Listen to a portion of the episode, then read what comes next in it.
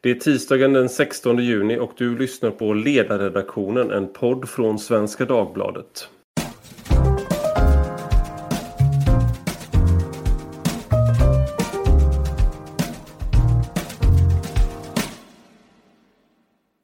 Ja, det är en ny dag och Corona finns fortfarande kvar. Och i söndags var Stefan Löfven med i Agenda och många har väl inte varit helt supernöjda med hur han svarade på frågorna kring den svenska coronastrategin.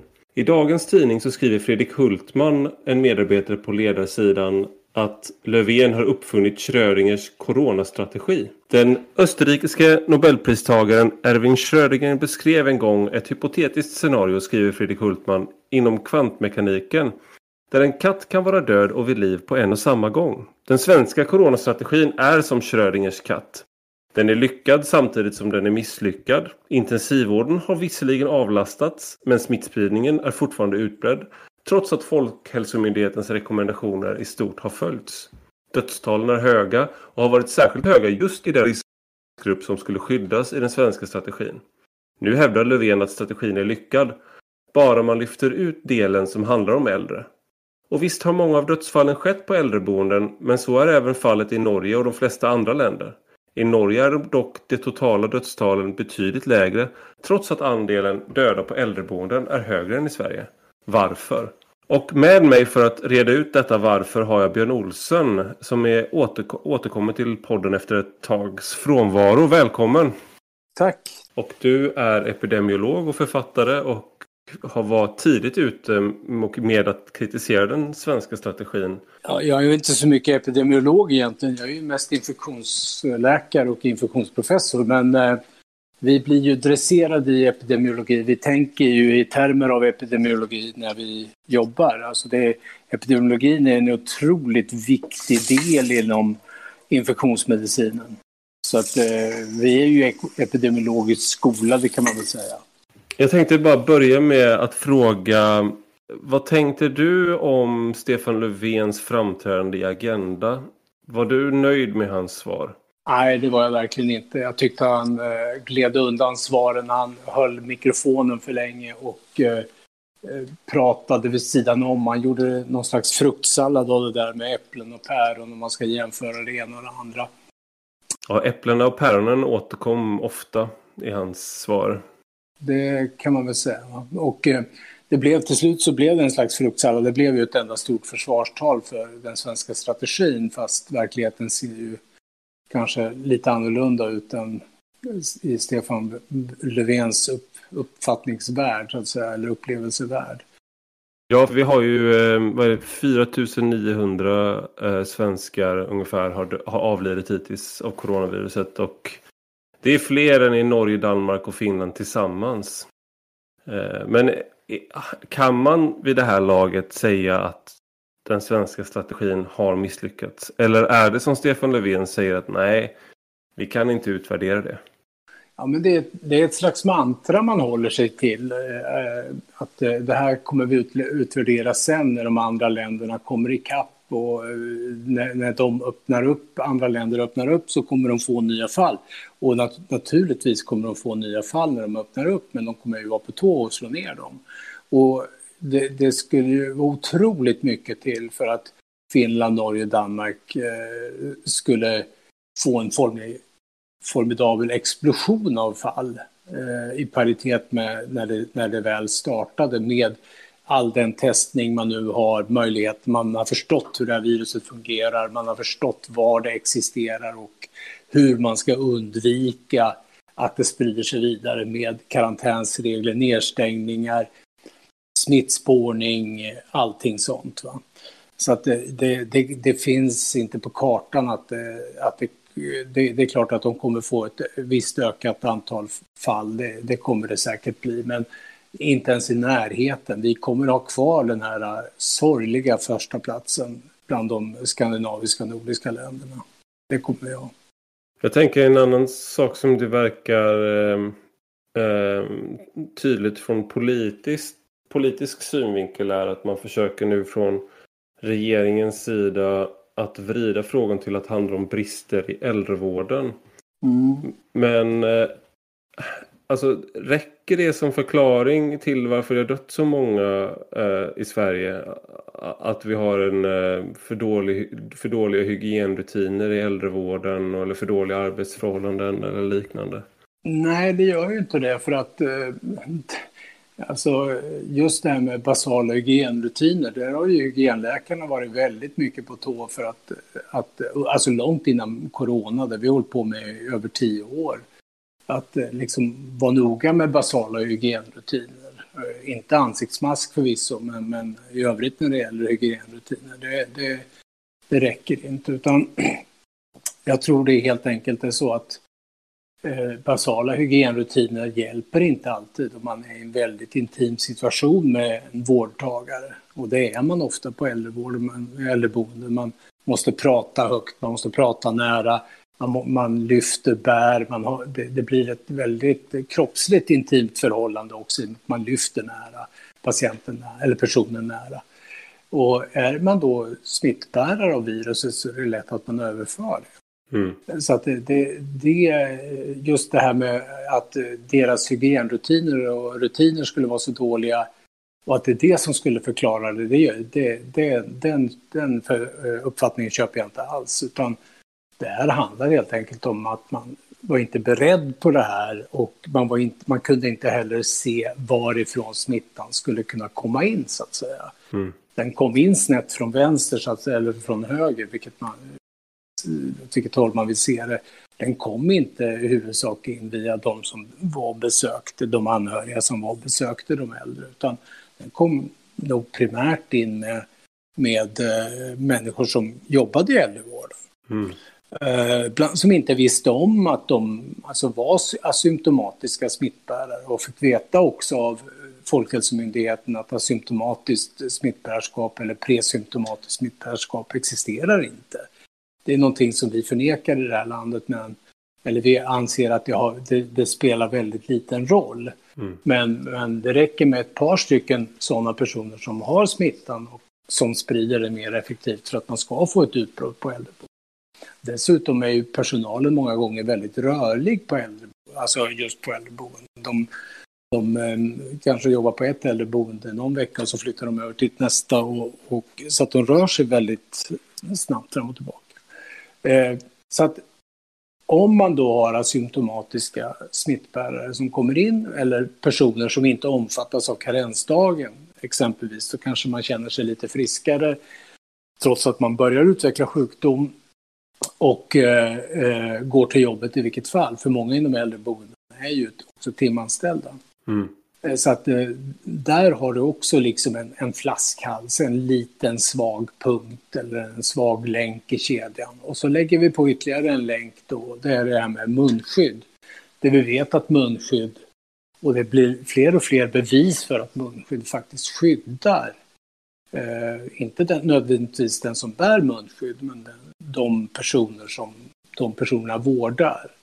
Så att eh, med munskydd, med skyddsutrustning så hade man nog kunnat kommit betydligt bättre undan än vad vi faktiskt gjorde. Inom, även inom äldrevården.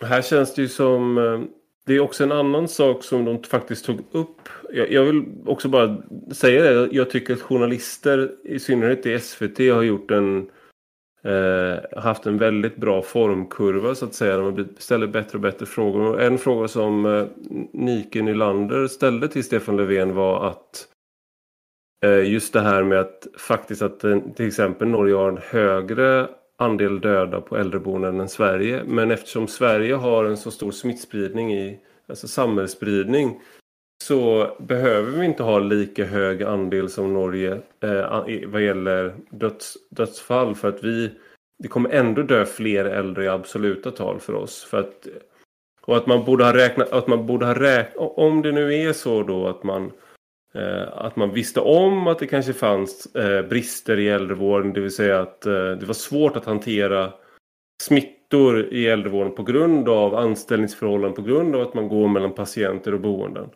Eh, då borde man, det väl ha varit en del av strategin, alltså en del av det man vägde in i att okej, okay, vi kanske inte kommer kunna hantera en stor samhällsspridning eh, för då kommer det att slå mot eh, äldrevården på grund av de här bristerna. Det, det, det parodiska här är ju att när Johan Carlsson, Folkhälsomyndighetens generaldirektör, intervjuades så han var, han var arg på att Jimmy Åkesson hade krävt Anders Tegnells avgång. Då påpekar han ju själv att tre statliga utredningar under 20 års tid har visat just de här bristerna i äldreomsorgen. Men ändå, så att han, för honom var det liksom ett försvar. Men det är ju tvärtom någonting som, om de då hade den informationen. Ja, varför gjorde de inte någonting åt det då? Ja, precis. Precis, i ett skarpt läge. Och varför har man inte gjort någonting åt det under 20 år när man har sett bristen? Ja. Och, eh, och framförallt också då med, med kanske framförallt det här med att anställningsförhållandena kan vara, det kan vara timanställda, det kan vara ganska osäkra anställningsförhållanden. Mm. Det är ofta personer från låginkomstområden som jobbar inom äldreboenden, äldrevården. Och, eh, eh, och också att man inte omfattas om man då är timanställd av karensdagen och sådana saker. Det, det blir sådana här små svaga punkter som till slut, till slut gör att allting går på grund. Mm. Och det börjar ta in vatten.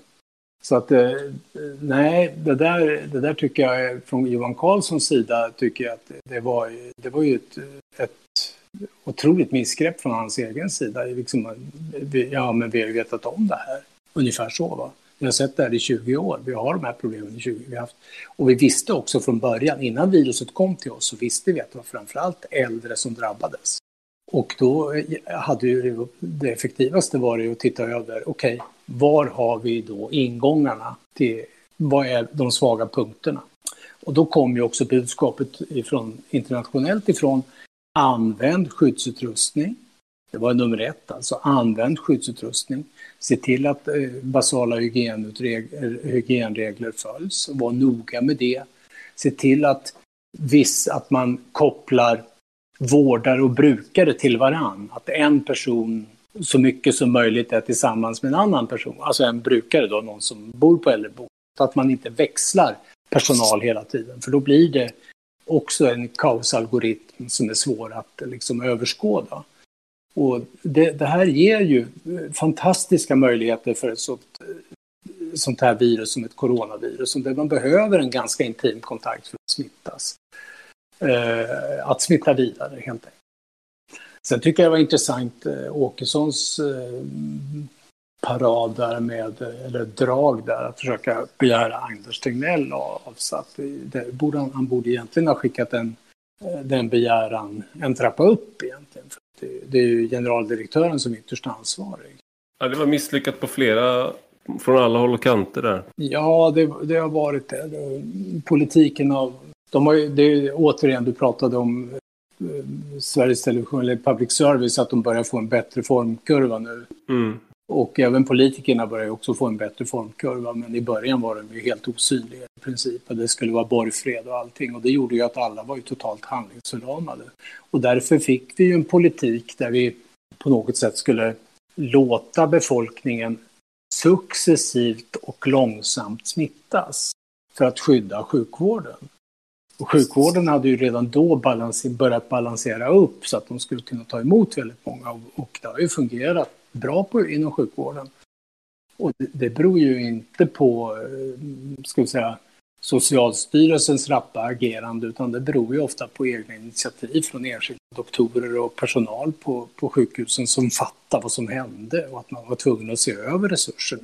Så att det kom, många gånger hade ju sjukvården och många sjukvårdsinrättningar de hade ju liksom gått långt utöver vad Socialstyrelsen rekommenderade i stort sett när de väl började rekommendera någonting. Så att eh, vissa sjukhus låg långt, långt framme där. Och tack vare det så har, har ju det har ju funkat bra så, till, så tillvida. Det är enskilda aktörer med ansvar för den direkta verksamheten snarare än våra centrala myndigheter och politiker som har eh, eh hjälpt Sverige. Verkligen, och då är många gånger lite grann som visselblåsarna på när det gäller Macchiarini-affären, att eh, med risk för att bli uthängd eller mm, alltså råka illa ut och fått väldigt mycket motstånd i början. Men en del har varit ihärdiga och eh, sagt att det här blir problematiskt, här, vi kommer få ett bekymmer här. Och då har man till slut vikt undan och man har också börjat se, ja, börjat förstå det. Och börja skala upp successivt. Så att det har ju gått bra. Ja, den stora skillnaden är ju trots allt att vi har en samhällssmitta. Vi har ju en, en, en spridd samhällssmitta och vi har inte kontroll på den. Vi vet inte riktigt var den finns. Vi vet att den finns. Vi vet att den fortsätter att ge ganska många fall. Vi vet att den, det fortsätter att... Eh, det kommer fortfarande in sjuka människor och människor fortsätter att dö. I, eh, idag var det väl 48 som dog. Och jag menar, hur många dog i Finland, Norge, och Danmark tillsammans idag? Ja, det var ju definitivt inga 48. Det, det var ju, om, om det ens var någon så... Så det, den här skillnaden har vi nu haft ganska lång tid mellan de här. Vi har ju drivit iväg från samtliga övriga nordiska skandinaviska länder ordentligt under de senaste månaderna. Och att inte det är uppenbart ett misslyckande, att inte det betraktas, att, inte, man, att man inte ger en spade dess riktiga namn, att en spade är en spade. Det här är ett misslyckande, ja, vi har en samhällsspridning mm. som sen får effekter in på sjukhusen, som får effekter in på äldreboenden, i hemtjänsten, överallt, i alla, alla sektorer. Och vi har varit senfärdiga, för lite och för sent. Det här säger eh, för lite och för sent. Det, är precis, det, det tror jag inte Anders Tegnell eh, skulle hålla med om alls. Så här säger han eh, om det var igår tror jag, eller om det var idag. Eh, vårt mål är inte att nå flockimmunitet. Jag tror inte det är möjligt att nå flockimmunitet om man inte kan vaccinera. Däremot är det bra att ha hög immunitet i befolkningen. Och det har vi uppenbarligen. Det är därför vi inte ser en ökning och en minskning av antalet fall på intensivvårdsavdelningar och dödsfallen går ner. Vi ser en effekt i befolkningen redan nu. Det där tycker jag inte... Vad, vad tänker du om det där? Har vi en hög immunitet i befolkningen nu eller någon, någon slags immunitet som vi ser effekten av nu? Nej, alltså i vissa områden så kan man nog säga att, man, att det är en tämligen hög immunitet. Exempelvis på sjukhus eller på vissa äldreboenden. Där kan man ha en ganska hög flockimmunitet lokalt, extremt lokalt. Men att vi skulle ha en hög flockimmunitet spridd i samhället, det är ju en illusion. Det är ju, det är ju rökridåer, det har vi inte alls. Utan eh, vi har precis gjort en studie i Stockholm, jag ska inte gå in för mycket på den, den är, vi har fått eh, alla etiska tillstånd och så för den har vi genomfört den. Och vi kan säga att vi, vi hamnar någonstans kring 12-13 procent. Eh, och skulle vi driva upp det mot flockimmunitetens heliga grad, som är någonstans upp mot, eh, ja vi börjar se effekter redan kring 40 procent, då börjar man kunna se nedtrappningseffekter och sådana här saker. Men ska vi driva upp den till en flockimmunitet på upp mot 60, 70, 80 procent för att verkligen få ett genomslag av den med den här strategin, då måste jag fråga mig hur många liv ska vi offra på den vägen? Vad kommer konsekvensen bli då om vi ska ha den typen av flockimmunitet? Alltså då kanske vi hamnar i det dubbla eller tredubbla antalet döda jämfört med vad vi har nu. Och dessutom ska man ha klart för sig att det här med vaccin, vi har inget vaccin ännu. Och ett vaccins effekt, eh, eller ett vaccin är precis så bra som det skyddar och hur lång tid det skyddar. Vi vet att immuniteten när det gäller det här viruset är sannolikt inte livslång. Utan det är en kortare eller längre tid och det är lite oklart hur länge. Och eh, vi vet dessutom att efter ett tag så, ja men den avtar efter ett tag. Och då innebär det att vi hela tiden har en flockimmunitet som svajar och sjunker. Och inte ens ett vaccin kommer att lösa det. För att en, vaccin, en vaccinering är ju i princip en simulering av, simulering av en infektion. Men det är samma celler i kroppen som reagerar och skapar antikroppar och som skapar så att säga ett skydd. Vad kan vi vänta av ett vaccin då? Vad kommer ett vaccin lösa i så fall för oss med, det här, med den här sjukdomen? Ja, ett vaccin, det, det är ju vaccinera riskgrupper, det tror jag eh, det mm. vi kan göra med det. För att det ska ju distribueras sen och det ska, det ska ju också, jag menar alla, alla 10 miljoner doser som Sverige behöver kommer ju inte finnas på, mm, framme på bordet direkt inte, utan det kommer att ske successivt säkert. Och så ska det ju dessutom upphandlas och det, det är fortfarande ett år bort innan vi har ett vaccin. Eh, så att den enda strategi som är den enda vettiga, det är ju den strategi som våra grannländer har intagit. Alltså det, nu är det ju liksom för sent för en lockdown i Sverige. Det skulle vi ha gjort tidigt. Varför är det för sent, tänker du? Ja, för att jag tror att vi kan komma undan det här med att Alltså en lockdown, jag tror, det, för att få med människor på en lockdown så kan man inte haft en halv lockdown under så här många månader och sen köra en total. Vi kommer inte, vi kommer inte få någon följsamhet. Alltså. Det, det, kommer att, det kommer bli, inte revolution, men det kommer bli eh, vansinnigt kaotiskt. Och eh, samhället skulle lida enorma Alltså det skulle vara, bli enorma förluster om vi skulle stänga ner samhället nu. Däremot så finns det ju grejer som, finns ju instrument för att få ner smittan snabbt och då kan man ju titta på en del länder som har haft en, en nära, nära nog fullskalig smitta på gång och som har lyckats vända förloppet och det gör man genom att testa och smittspåra. Testa, smittspåra, isolera, testa, smittspåra, isolera och dessutom se till att använda ansiktsmask eller munskydd som de alla, WHO rekommenderar det nu till och med. Alltså, jag menar, de flesta länder går på den linjen och de flesta länder ser ju också sjunkande tal. Det finns några undantag naturligtvis där det är rent kaotiskt nu, men om vi tittar i Europa så, så följer inte vi Europamönstret på något sätt. Flera journalister runt om i, i eh, engelsk, engelskspråkiga världen i alla fall som har skrivit de senaste dagarna om att vi och liknat eh, Palmeutredningen att man inte kom fram till någonting nu när man pressade, när man skulle presentera mördaren så presenter, blev det liksom en, eh, en tummetott av alltihop eh, och att man inte hade något nytt. Eh, och att Hans Holmér då som ledde Palmeutredningen eh, eh, när det begav sig att han missade att förhöra Skandiamannen och att han missade väldigt grundläggande saker. Men han var också en väldigt förtroendeingivande och lugn person, precis som Anders Tegnell. Eh, och nu har vi då ännu ett läge skriver eh, bland annat Financial Times och i Foreign Policy att vi har ännu ett läge där vi, vi är så självsäkra eh, att vi, och som, som också går igen från migrationskrisen 2015 där vi gick emot hela Europa ja, ja. och gjorde vår egen grej. Och nu har vi ett nytt sånt läge där Sverige är så självsäkra på sin egen rationalitet att vi inte lyssnar på andra. Och jag, någonstans så kan jag ju tänka att det kan vara det kan vara positivt. Det var en positiv egenskap att inte bara springa med, liksom, eh, med flocken och allt sånt där.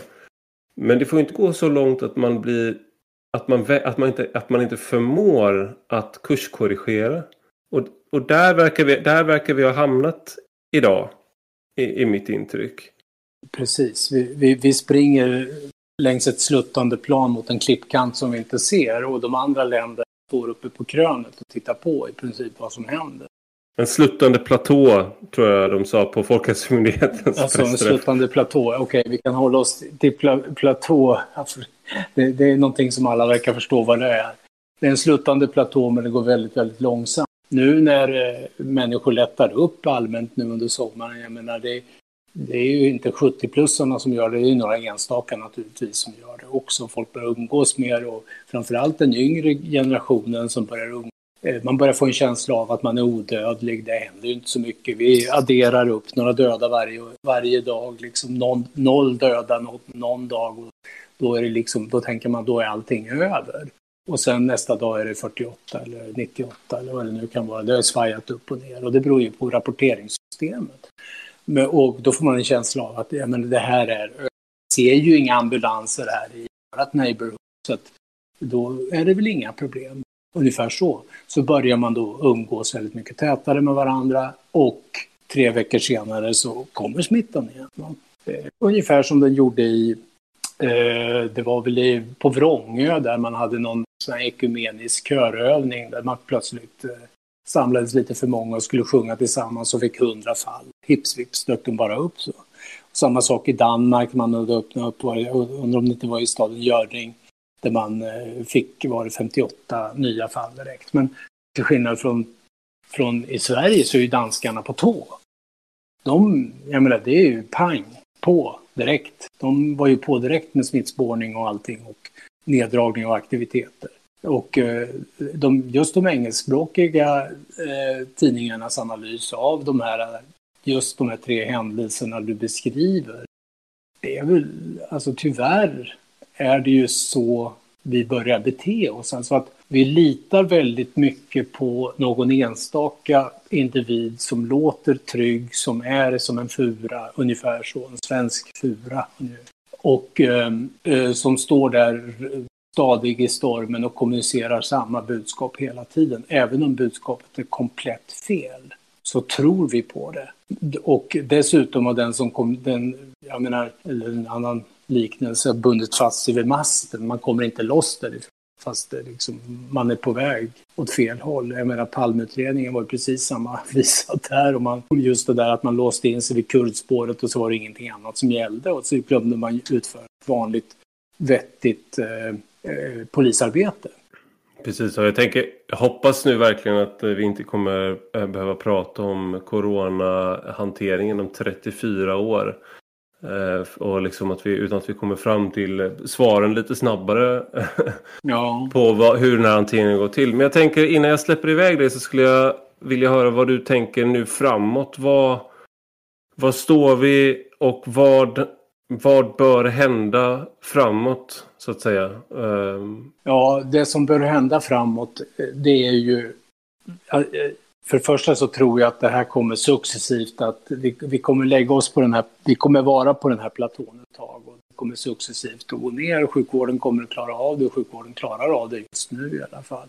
Får vi stora utbrott igen, en riktig explosion av fall, så kommer den belastas naturligtvis. Så kommer det gå ner på en, en lägre nivå igen. Eh, en låg nivå som är konstant farlig och krypande. Det, det, det, är vad jag tror vi kommer att hamna på. Vi kommer inte hamna lika lågt som våra grannländer för vi har liksom inte, vi har inte den strategin. Vi håller på att testa nu, vi konstaterar fall, de ska sitta i karantän, men hur det är med, med familjemedlemmar till exempel till, till någon som är coronapositiv, de får fortfarande verka i samhället. Så vi har ju fortfarande en smittspridning på gång oavsett hur mycket vi testar om vi inte vidtar konsekvenser av testandet.